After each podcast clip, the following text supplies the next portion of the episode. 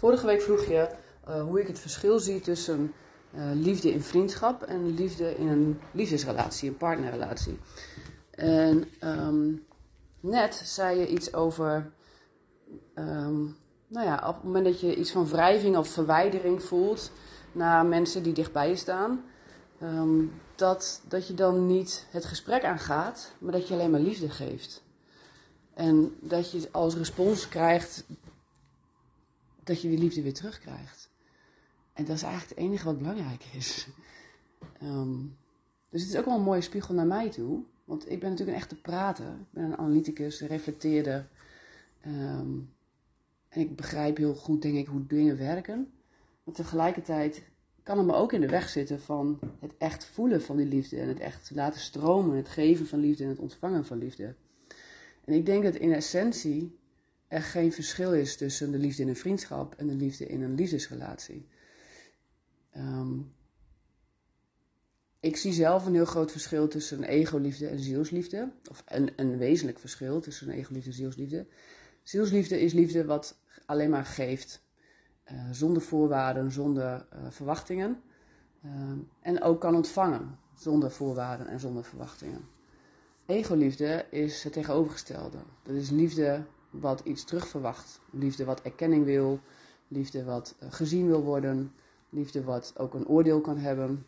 Um, het is voorwaardelijk. En als het voorwaardelijk is, zet je het feitelijk vast en dan stroomt het niet. En dan is het in de kern geen liefde. Al kan het soms wel echt voelen als liefde, maar het is tijdelijke liefde. Um, en ik denk dat heel veel relaties en, en al mijn relaties tot nu toe uh, ook een, uh, wel een steeds kleiner deel, maar ook een groot deel ego-liefde in zich hebben gehad. En um, ja, het hoort ook gewoon bij het leven. Want ego is nou een keer de kern van ons bestaan, zeg maar. Dat maakt, het maakt onze ervaring in deze menselijke uh, dimensie uh, mogelijk. En tegelijkertijd is dat de hele reis ook dat we mogen ontdekken dat ego en de liefde die ego denkt te voelen uh, en de liefde die ego denkt te geven en te ontvangen, dat dat niet echte liefde is. Um, en het verschil tussen vriendschap en een liefdesrelatie.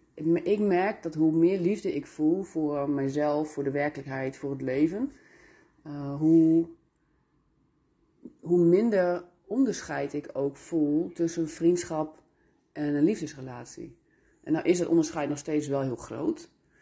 Want er is, ik, wil, ik, ga niet met al mijn vrienden naar bed, bijvoorbeeld.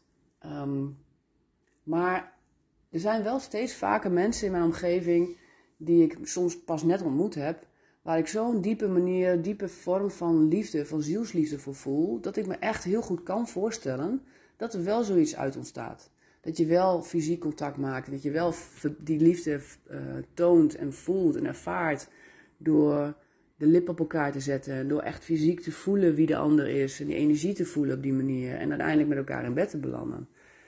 Um, en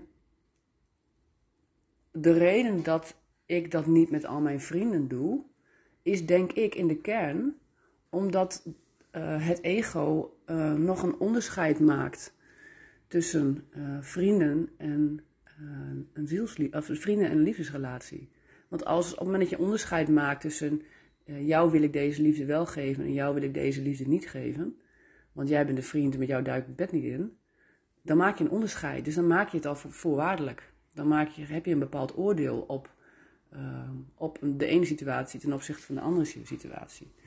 En dan gaat het per definitie over ego. En niet dat het slecht is, dat is niet fout, want dat is nou een keer hoe, hoe onze menselijke reis eruit ziet. We worden geboren zonder ego, we worden uh, geprogrammeerd door alle mensen om ons heen en alle hun programma's. En zo wordt het ego gevormd. En ego is afgescheidenheid van de werkelijkheid, van de, van de eenheid, van de bron. Uh, en ergens in de loop van ons leven, of in de loop van onze levens, um, ontdekken we dat wij niet het ego zijn, maar dat we veel groter zijn dan dat. En dat wij die bron van universele liefde zijn. En ik denk dat op het moment dat je op het punt bent gekomen dat je echt uh, alleen maar met je bewustzijn vanuit de bron, universele bron van liefde naar de werkelijkheid uh, kijkt, um, dan geloof ik dat er geen verschil meer is tussen de liefde voor vrienden en de liefde voor je liefdespartner.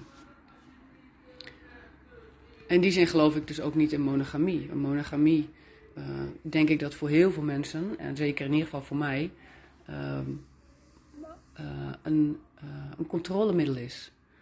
Ik doe het niet met een ander, zodat jij het ook niet met een ander doet. Want als jij het met een ander doet, dan krijg ik daar pijn van. En dan ben ik bang dat je kwijtraak. En dan ben ik bang dat ik ongelukkig word. Want zonder jou ben ik niet gelukkig. En dat is geen zielsliefde. Dat is egoliefde. Dat maakt het voorwaardelijk. Ik ben niet gelukkig zonder jou. En dat is onzin. Wij zijn het geluk. Ik ben liefde. Hoe kan ik nou ongelukkig zijn zonder de liefde van een ander? Ik ben zelf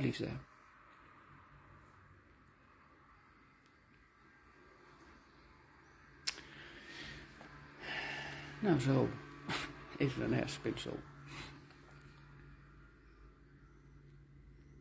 En ik kan me voorstellen dat uh, ik denk dat de, de fase waarin, voor mij in ieder geval de fase waarin ik uh, met mijn hoofd, met mijn mind, en het ego helpt daar natuurlijk wel echt heel erg bij om te begrijpen hoe deze werkelijkheid werkt en om te begrijpen hoe andere dimensies kunnen werken of zouden kunnen werken. Um, hoe meer ik dat uh, zie en ervaar en begrijp, Uh, het, het, het, heeft een hele lastige fase ook daarin. Want een fase waarin je het heel goed ziet en begrijpt, maar het nog niet echt in de kern durft te ervaren. Want het is feitelijk alleen maar een overgave aan de liefde die er al lang is. Overgeven aan de liefde. Uh, en daarmee dus ook het durven vertrouwen dat jij, ik zelf die liefde ben. En durven vertrouwen dat ik de schepper ben. Want alles is liefde. God is liefde. God is de schepper. En als ik liefde ben, dan ben ik dus een schepper. En dat is iets, wat, dat kan ons brein kan dat helemaal niet bevatten. Die, die, die, die schiet direct in de controle, denk ik, in de schepper. Ik ben een schepper. Nee, het brein voelt zich juist afgescheiden van de schepper. Ego voelt zich afgescheiden van de schepper. Maar er zit zo'n fase tussen waarin het ego alleen maar strategieën op ons afvuurt en alleen maar uh, controle wil op de werkelijkheid, controle wil op die liefde. Um, en zeer vernuftige strategieën daarin hanteert. Um, waardoor we extra in verwarring worden gebracht en extra veel gaan twijfelen en extra die diepere angsten tegen gaan komen. En het is juist die laatste fase die het heel ingewikkeld kan maken. Uh, om echt, echt in die volle overgave te gaan van de liefde en van de, de zielstroom die er is. Dan ben ik inmiddels wat verwijderd van het thema vriendschap en liefdesrelatie, maar tegelijk ook weer niet. Want in de kern is dit denk ik waar het over gaat.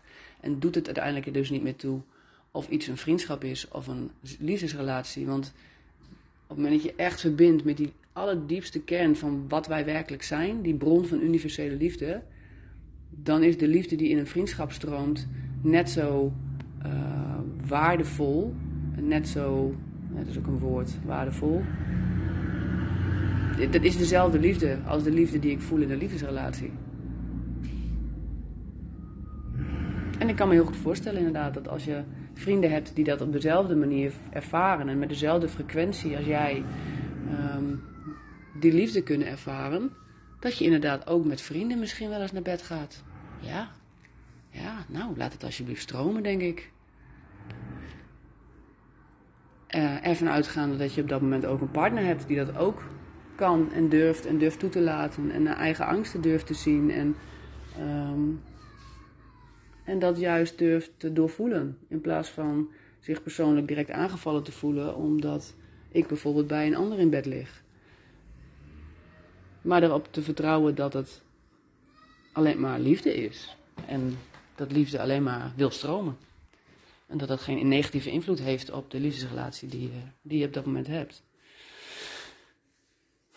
Alles is liefde. Ik ben liefde, jij bent liefde. Alles is liefde.